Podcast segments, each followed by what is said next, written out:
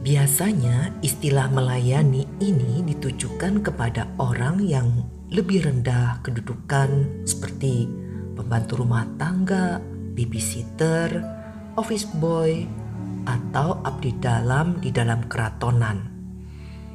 Banyak orang lebih senang jika dilayani.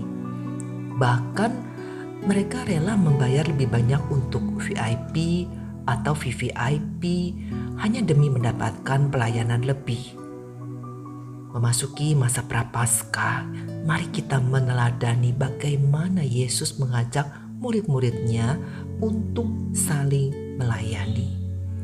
Kata melayani dalam bahasa Yunani adalah diakonein yang berarti pelayanan meja dikisahkan pada peristiwa perjamuan terakhir sebelum masa sengsara, Yesus meneladani dengan membasuh kaki para murid.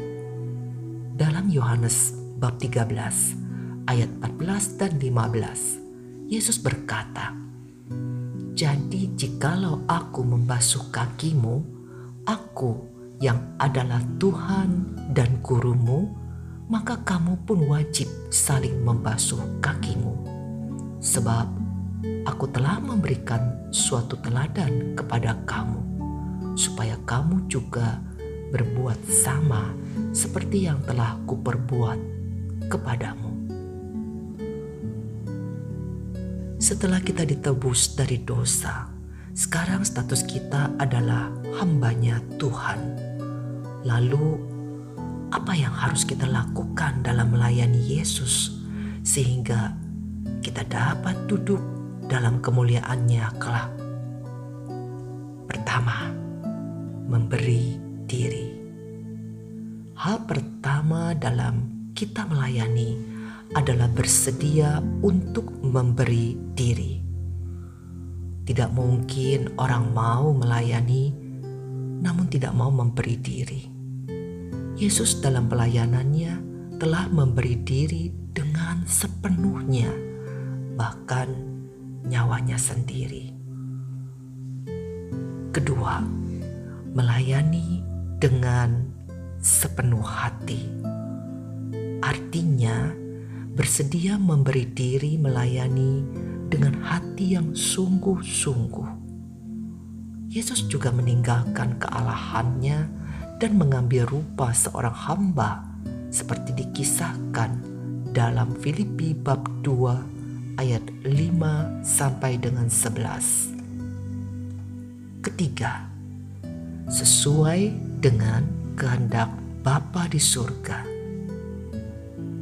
Dalam melayani, yang terpenting adalah bukan karena kehendak diri kita yang dikedepankan, namun kehendak Tuhan saja. Jangan sampai kita melayani dipengaruhi dengan ambisi pribadi dan bukan kehendaknya. Dalam Yohanes bab 15 ayat 16. Bukan kamu yang memilih aku, tetapi akulah yang memilih kamu dan aku telah menetapkan kamu supaya kamu pergi dan menghasilkan buah dan buahmu itu tetap supaya apa yang kamu minta kepada Bapa dalam namaku diberikannya kepadamu.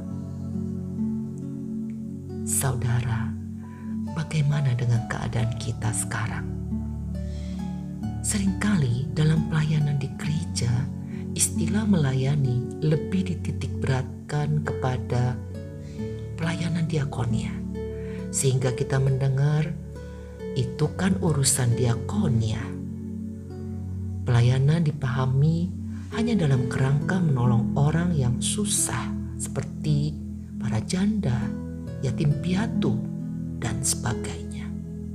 Seharusnya pelayanan adalah bagian dari kehidupan kita yang harus kita lakukan setiap saat di setiap waktu, dalam setiap tempat dan keadaan sesuai bidang kita masing-masing di mana kita ditempatkan agar nama Tuhan saja yang dimuliakan.